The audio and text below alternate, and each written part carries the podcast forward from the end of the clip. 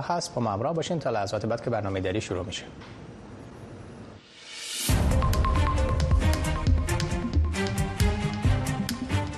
سرخط سه خبر مهم در برنامه امروز تلویزیون آشنا صدای امریکا از واشنگتن.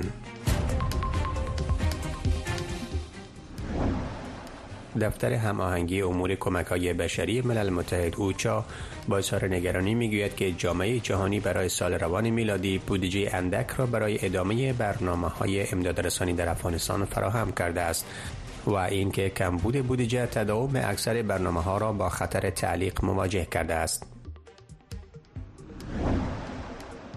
شهباز شریف به حیث صدر اعظم جدید پاکستان توسط مجلس ملی این کشور معرفی شد. و رقابت های حرفه‌ای و آماتور اسکی با اشتراک ورزشکاران داخلی و خارجی در منطقه خشکک ولایت بامیان افغانستان برگزار گردید. اشتراک کنندگان بر شرکت زنان در این مسابقات تاکید ورزیدند.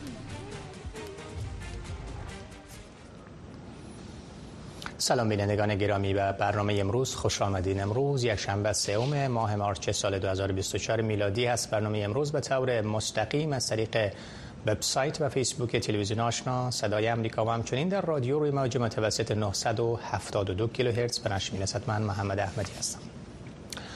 دفتر هماهنگی امور کمک های بشری ملل متحد یا اوچا با اظهار نگرانی می‌گوید که جامعه جهانی برای سال روان میلادی بودجه اندک را برای برنامه های امداد رسانی در افغانستان فراهم کرده. فوزی احسان در استودیو هست. با شرح بیشتر شهباز شریف به حیث صدر اعظم جدید پاکستان توسط مجلس ملی این کشور معرفی شده است. معلومات بیشتر را از پشاور از خبرنگار صدای آمریکا مسکا صافی خواهیم داشت. با ما همراه باشین. نخست با خبرهایی در مورد افغانستان. دفتر هماهنگی امور کمک های بشری ملل متحد یا اوچا با اظهار نگرانی گفته است که جامعه جهانی برای سال روان میلادی بودجه اندک را برای ادامه برنامه های در افغانستان فراهم کرده است و کمبود بودجه ادامه اکثر برنامه ها را با خطر تعلیق مواجه کرده است. اوچا با نشر گزارشی گفته است که برای تداوم برنامه های بشردوستانه در افغانستان تا سال 2024 میلادی بیش از 3 میلیارد دلار فراخوان داده شد اما تاکنون بخش اندک آن تامین شده است برای معلومات بیشتر قسمی که عرض کردم همکارم فوزی احسان این خبر را دنبال کرده و در استودیوس فوزیه نادهای بشر دوستانه برای رسیدگی به نیازمندان به چقدر هزینه که لازم هست نیاز دارن و چقدر از این هزینه ها تابال دریافت که شده و این نگرانی چیست؟ تشکر آقای احمدی و سلام به شما و شنونده های گرامی سال در البته کمک های بشر دوستانه در سال 2023 به بیش از 32 میلیون نفر تحت پوشش قرار داده بود البته این افراده.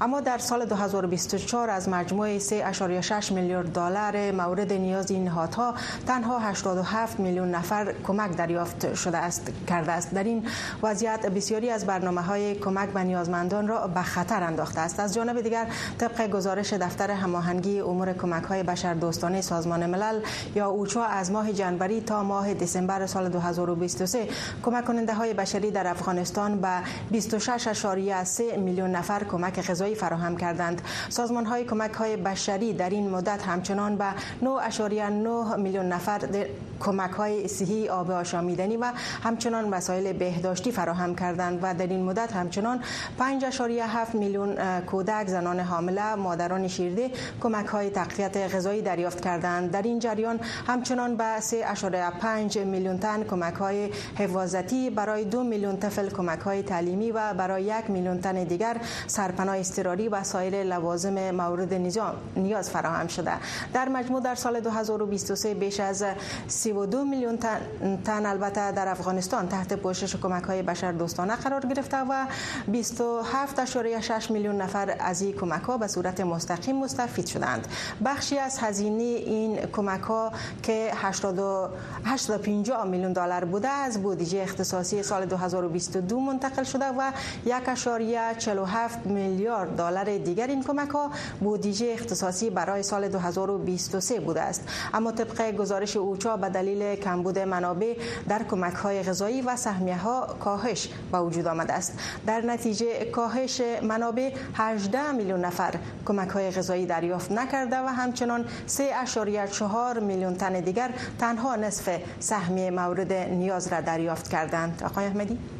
تشکر از شما خانم احسان که شرح بیشتر این گزارش ملل متحد را بیان داشته. نهاد مدافع حقوق بشر موسوم به کنشگران حقوق بشر افغانستان با نشر فراخانی خواستار رسیدگی به مسئله تبعیض سیستماتیک و نهادی نشده طالبان علیه زنان در محاکم بین المللی شده است. این نهاد امروز یک شنبه با نشر اعلامیه گفته است که افغانستان به هفت کنونسیون مهم بین المللی حقوق بشری به شمول کنونسیون منع هر نوع تبعیض علیه زنان ملحق شده و ملزم به رعایت آن است. این کنونسیون بر حقوق اساسی زنان همچنین مثل حقوق مشارکت سیاسی، آموزش کار، آموزش کار، دسترسی به خدمات صحی، آزادی ازدواج و سایر حقوق فرهنگی، اقتصادی و اجتماعی زنان تاکید کرده است. کنشگران حقوق بشر گفته است که طالبان در بیش از دو نیم سال گذشته تمام مفاد این کنونسیون و سایر کنونسیون های حقوق بشری را به گونه سیستماتیک نقض کردند. وزارت دولت در امور رسیدگی به حوادث طبیعی حکومت طالبان می‌گوید که در دو هفته گذشته بر اثر سرمای هوا، بارش برف، باران و سیلاب در چندین ولایت افغانستان 20 تن جان باخته و 14 تن زخمی شدند. علاوه بر این تلفات از اول تا دوازدهم ماه جاری خسارات مالی به باشندگان 14 ولایت نیز وارد شده است. جانان سایق سخنگوی این وزارت گفت که در این مدت 452 منزل مسکونی تخریب شده و بیش از 5000 مواشی نیز تلف شده است. پیش از این مقامات محلی طالبان در کنر گفته بودند که در نتیجه تخریب سقف یک منزل مسکونی به شمول سه کودک چهار عضو یک خانواده جان باختند و پنج تن دیگر زخمی شدند. در همین حال مقامات وزارت فواید عامه حکومت طالبان گفتند که شاهراه سالنگ از چهار روز به این سو به دلیل برفباری سنگین طوفان‌های شدید و محدودیت ساحه دید به روی ترافیک بسته است. مجلس ملی پاکستان امروز شهباز شریف را به حیث صدر اعظم جدید این کشور معرفی کرده است. قرار است به زودی رئیس جمهور جدید پاکستان نیز معرفی گردد. اکنون برای کسب معلومات بیشتر در مورد وضعیت بعد از انتخابات و معرفی صدر اعظم جدید پاکستان با مسکا صافی خبرنگار تلویزیون آشنا در پشاور صحبت می‌کنیم. مسکا سلام. خسته نباشی. روند انتخاب و معرفی صدر اعظم جدید امروز چگونه بود و اعتراضات به نتایج انتخابات در پاکستان فعلا در چه وضعیتی هست؟ سپاس از شما انتخابات پاکستان که خیلی هم جنجالی بود. بالاخره پس از گذشته 25 روز صدر پاکستان گزین گردید و طبق قانون پاکستان قبل از اینکه نمایندگان مجلس صدر پاکستان را انتخاب کنند اول رئیس مجلس ملی انتخاب میگردد و در تاریخ اول مارچ هم ایاز صادق و حیث رئیس مجلس ملی انتخاب گردیده بود که امروز شعباز شریف پس از آن که با کسب 201 رای از همه پیشتاز باقی ماند. ایاز صادق وی را به حیث صدر اعظم پاکستان اعلام کرد و رقیب وی که عمر ایوب بود نتوانست که با کسب 92 آرا از برنده این رایزنی شود. از سوی دیگر حکومت ائتلافی که مشتمل بر دو حزب بزرگ حزب مسلم لیگ و حزب مردم می باشه و چندین احزاب کوچک دیگر کرسی رئیس جمهوری آصف علی زرداری را معرفی کرده است. و تحریک انصاف پاکستان محمود خان اچنزی که رهبر حزب عوامی ملی پشتونخوا می باشد را به حیث رئیس جمهور معرفی کرده و قرار است به تاریخ 9 مارچ یک رایزنی مخفی میان اعضای مجلس ملی مجلس چهار ایالت و مجلس سنا برگزار گردد که در آن معلوم شود چه کسی رئیس جمهور پاکستان خواهد بود. در انکشاف دیگر کنسولگری حکومت طالبان در شهر کراچی پاکستان از راههای ده ها مهاجر افغان از زندانهای ایالت سند و انتقالشان به افغانستان خبر داده جزئیات بیشتر در این باره چی است؟ کنسولگری افغانستان که در کراچی است و تحت کنترل طالبان می باشد در شبکه با نشر یک پیام از آزاد ساختن چل تن یا چل شهروند افغان به شمول یک زن اعلام کردند که آنها را آزاد کرده و به افغانستان منتقل کرده و این جمله زندانیانی بودند که بنابر نداشتن مدارک اقامت و همچنان ادعیشان هم کارتاشون از بین رفته بود زندانی گردیده بود و پیش از این کنسولگری گفته بود که در زندان های سند تا حدود 300 زندانی افغان دیگه هنوز هم هست که به خاطر آزاد کردنشان تلاش های هم جریان است. بله. سپاس از شما. مسکا صافی خبرنگار تلویزیون آشنا صدای آمریکا که شرح بیشتر داره در مورد انتخابات و وضعیت مهاجرین افغان در پاکستان. بندشین خسته نباشید.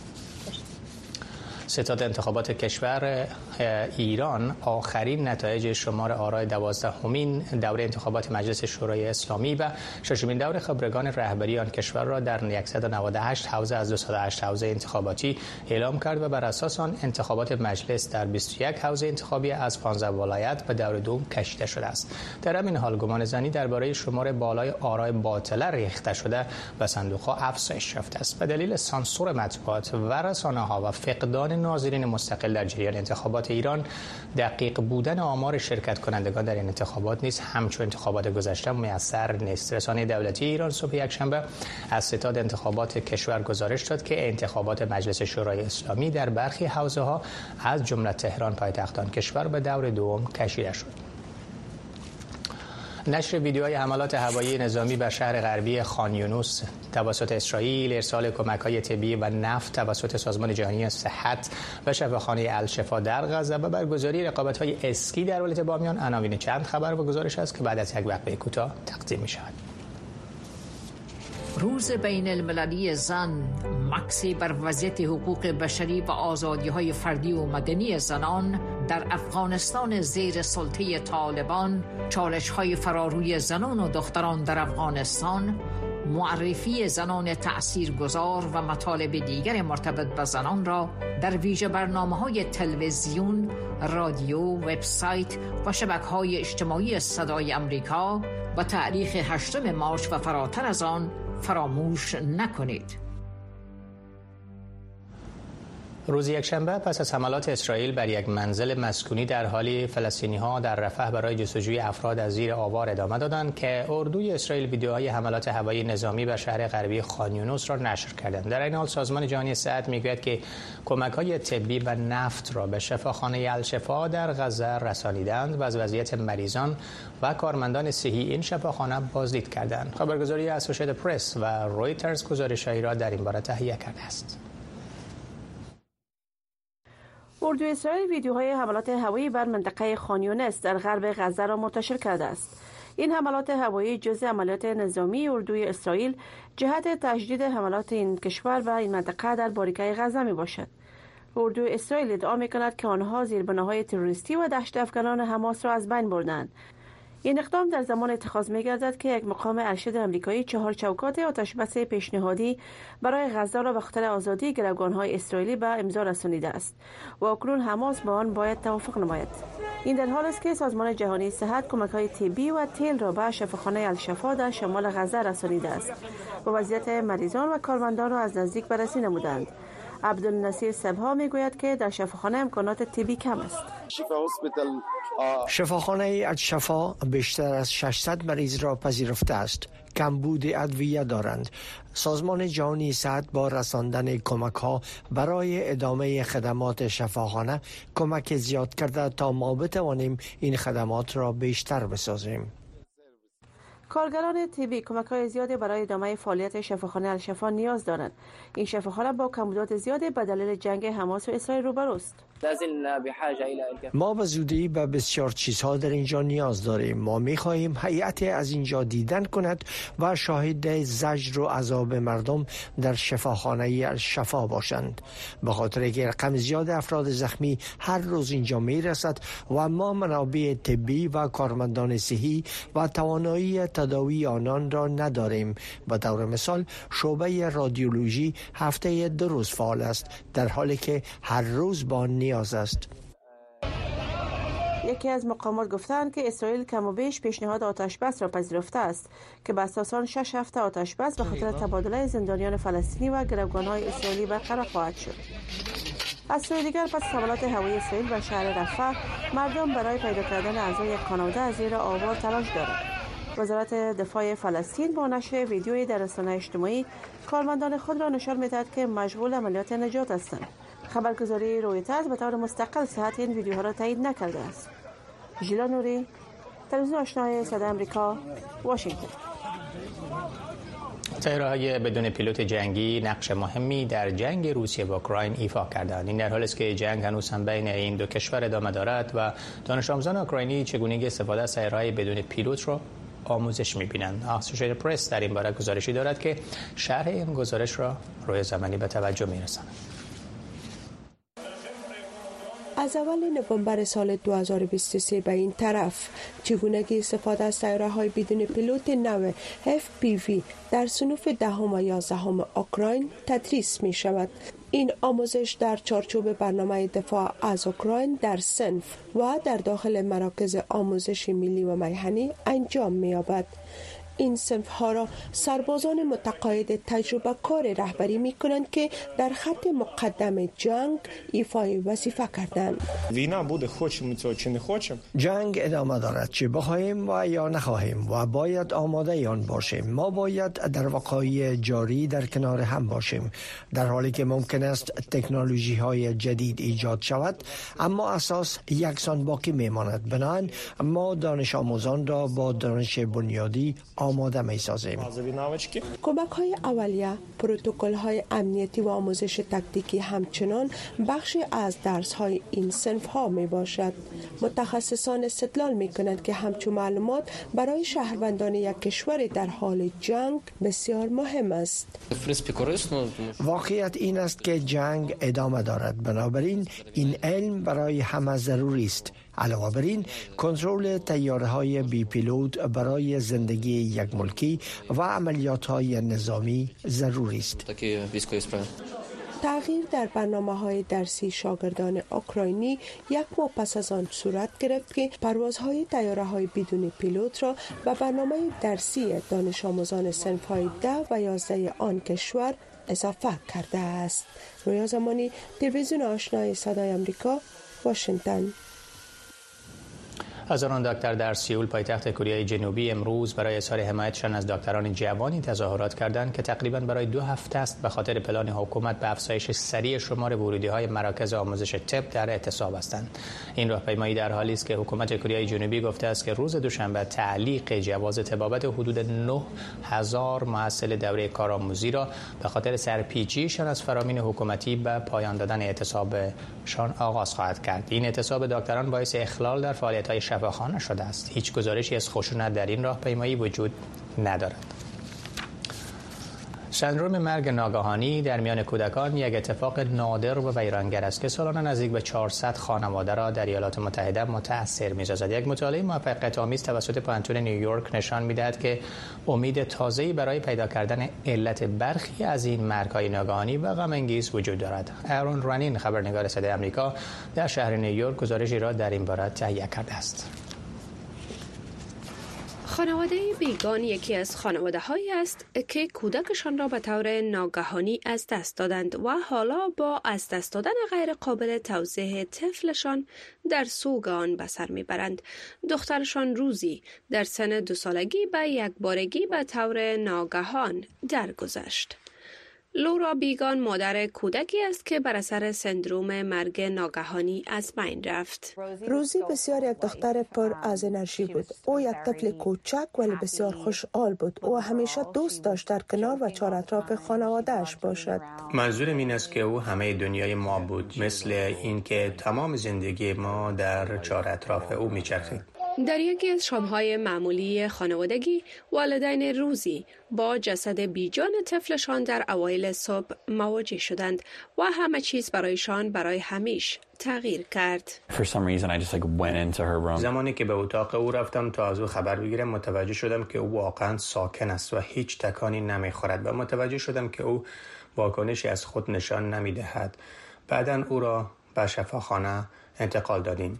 با وجود این که او را سریعا به شفاخانه انتقال دادن دکتران نتوانستند علت مرگ ناگهانی روزی را مشخص بسازند. می‌دانید که در ابتدا دکتر متخصص در ظرف یکی دو روز با ما تماس گرفت و گفت که یافته های اولیه تنها هیچ نتیجه نداشته است.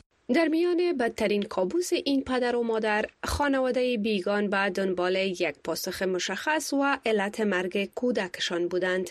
یک سرنخ از مطالعه اخیر در پوهنتون نیویورک به دست آمده که در آن بیگان ها موافقت کردند تا در آن اشتراک کنند. محققان فیلم های کمره های اتاق خواب روزی و چند طفل دیگر را به دقت بررسی کردند و علت احتمالی مرگ زودهنگام و ناگهانی این اطفال را کشف کردند که عبارت از موجودیت مجموعه از تشنج ها و انحرافات عصبی بوده است. در هر پنج فیلم ضبط شده یک رویداد تشنجی یا حمله عصبی را قبل از اینکه طفل از بین برود نشان می‌داد. دیدم که حمله بسیار کوتاه بود و در کمتر از یک دقیقه برای افراد دخیل شوکه کننده بود. لورا گولد این تحقیقات را رهبری می کند او خودش نیز به طرز غمانگیز دختر خردسالش را به دلیل همین وضعیت صحی در 15 ماهگی از دست داده است. تشنج های مشاهده شده در ضبط های کمره های فیلمبرداری همراه با نتایج کالبوت شکافی می تواند و درک عمیقتر ما کمک کند. آیا چیزی وجود دارد که بتوانیم از نمونه های کالبوت شکافی مطالعه کنیم و تشخیص دهیم چی چیزی در آن کودکان متفاوت بوده است و سپس بر اساس آن می توانیم برای درک عوامل خطر و شناسایی کودکان در معرض خطر استفاده کنیم. با افزایش روزافزون استفاده کمره های کوچک فیلمبرداری در اتاق خواب کودکان امید کمی وجود دارد که ممکن است در نهایت علل واقعی این مرگ و میرهای ناگهانی مشخص شود. فرخنده پیمانی صدای امریکا واشنگتن. در عصر و زمان تغییر که جهان نامطمئن به نظر می رسد و آنچه میشنویم منعکس کننده آنچه می‌بینیم نیست. ما به دنبال حقیقت میبراییم وقتی تنها بخشی از حقیقت و آنچه اتفاق افتاده به ما گفته می شود اعتماد از بین می رود رویاها آرزوها و خواهشاتمان برای یک فردای بهتر به مطبوعات آزاد بستگی دارد. در صدای امریکا ما روایتگر گزارش هایی هستیم که مردم برای دیدن آن خطر را متقبل می شوند ما در صدای امریکا جهان را با حقیقت به هم نزدیک و متحد می سازیم ما تصویر کامل حقیقت و آنچه را که اتفاق افتاده شما بازگو می کنیم مسئولان اتحادیه زعفرانکاران افغانستان در ولایت هرات می‌گویند به دلیل سردی هوا میزان برداشت حاصلات زعفران نسبت به سال گذشته 25 درصد کاهش یافته است. آگاهان برای بهتر شدن میزان حاصلات خواهان آموزش های مسلکی برای زعفرانکاران هستند. کاهش میزان تولید زعفران در ولایت هرات بر اساس آمارها از مجموع 8000 هکتار زمین های زیرکشت زعفران امسال در حدود 30 تن زعفران برداشت شده است مسئولان اتحادیه زعفرانکاران افغانستان دلیل کاهش 25 درصدی در حاصلات زعفران را سردی بیش از حد زمستان سال گذشته عنوان می کنند. امسال ما مثل سال قبل کاهش تولید داشتیم به خاطر سردی هوا بود که زمستان بسیار سردی داشتیم. زفران ما متضرر شد. البته همه در مجموع هم ولسوالیار نمی‌تونیم بگیم. بیشتر ولسوالیار غرب ایراد بیشتر به سردی متضرر شده و شرق ایراد و طرف شمال و جنوب کمتر متضرر هم از این نوعیه مسئولان اتحادیه زعفرانکاران افغانستان می‌گویند افزایش قیمت زعفران میزان علاقه دهقانان به کشتان را افزایش داده و بر اساس پیش بینی ها 1500 هکتار زمین دیگر در سال پیش رو زعفران کشت خواهد شد. ما از یک مزرعه ده جریبی سال گذشته حدود, یاز... حدود 11 کیلوگرم زعفران برداشت کردیم اما متاسفانه سال از همون زمین ها ما کمتر از 3 کیلوگرم زعفران برداشت کردیم و این نشان دهنده یک افت تولید بسیار شدید هست که زعفرانکاران نگران از این مسئله هستند. آگاهان زراعتی می‌گویند برای افزایش میزان حاصلات زعفرانکاران باید تحت آموزش های مسلکی و حرفه‌ای قرار بگیرند. این چیز مسلمه. وقتی که ما 600 هکتار زمین تحت کشت اضافه می‌بریم خوب به همون ما قوی بشری نیاز داریم که نو میای وارد میشه در این کشت. اونا آموزش می‌خوان مسئولان در اداره زراعت ولایت هرات خشکسالی را یکی از علتهای کاهش میزان حاصلات زعفران می‌خوانند. خوشبختانه ما خوشحال هستیم که مردم ما باز هم کشت زعفران رو به افزایش است و را افزایش میده. و ما ریاست زراعت همیشه هر وقت به مردم اطمینان داده که ما همکار شما هستیم و این تونیه که ما وعده دادیم انشالله بس کار نمی کنیم صد فیصد کار هم می‌کنیم زعفران بدیل مناسب کشت کوکنار خوانده می شود. هرات که در این زمینه پیشتاز است 95 درصد زعفران افغانستان را تولید می کند. منطقه خشکک ولایت بامیان شاید برگزاری رقابت‌های حرفه‌ای و آماتور اسکی بود. شرکت کنندگان داخلی و خارجی که شمارشان به 180 نفر می‌رسید در کنار اینکه طبیعت و کوههای پربرف بامیان را برای اسکی مساعد عنوان کردند بر شرکت زنان در مسابقات تاکید ورزیدند.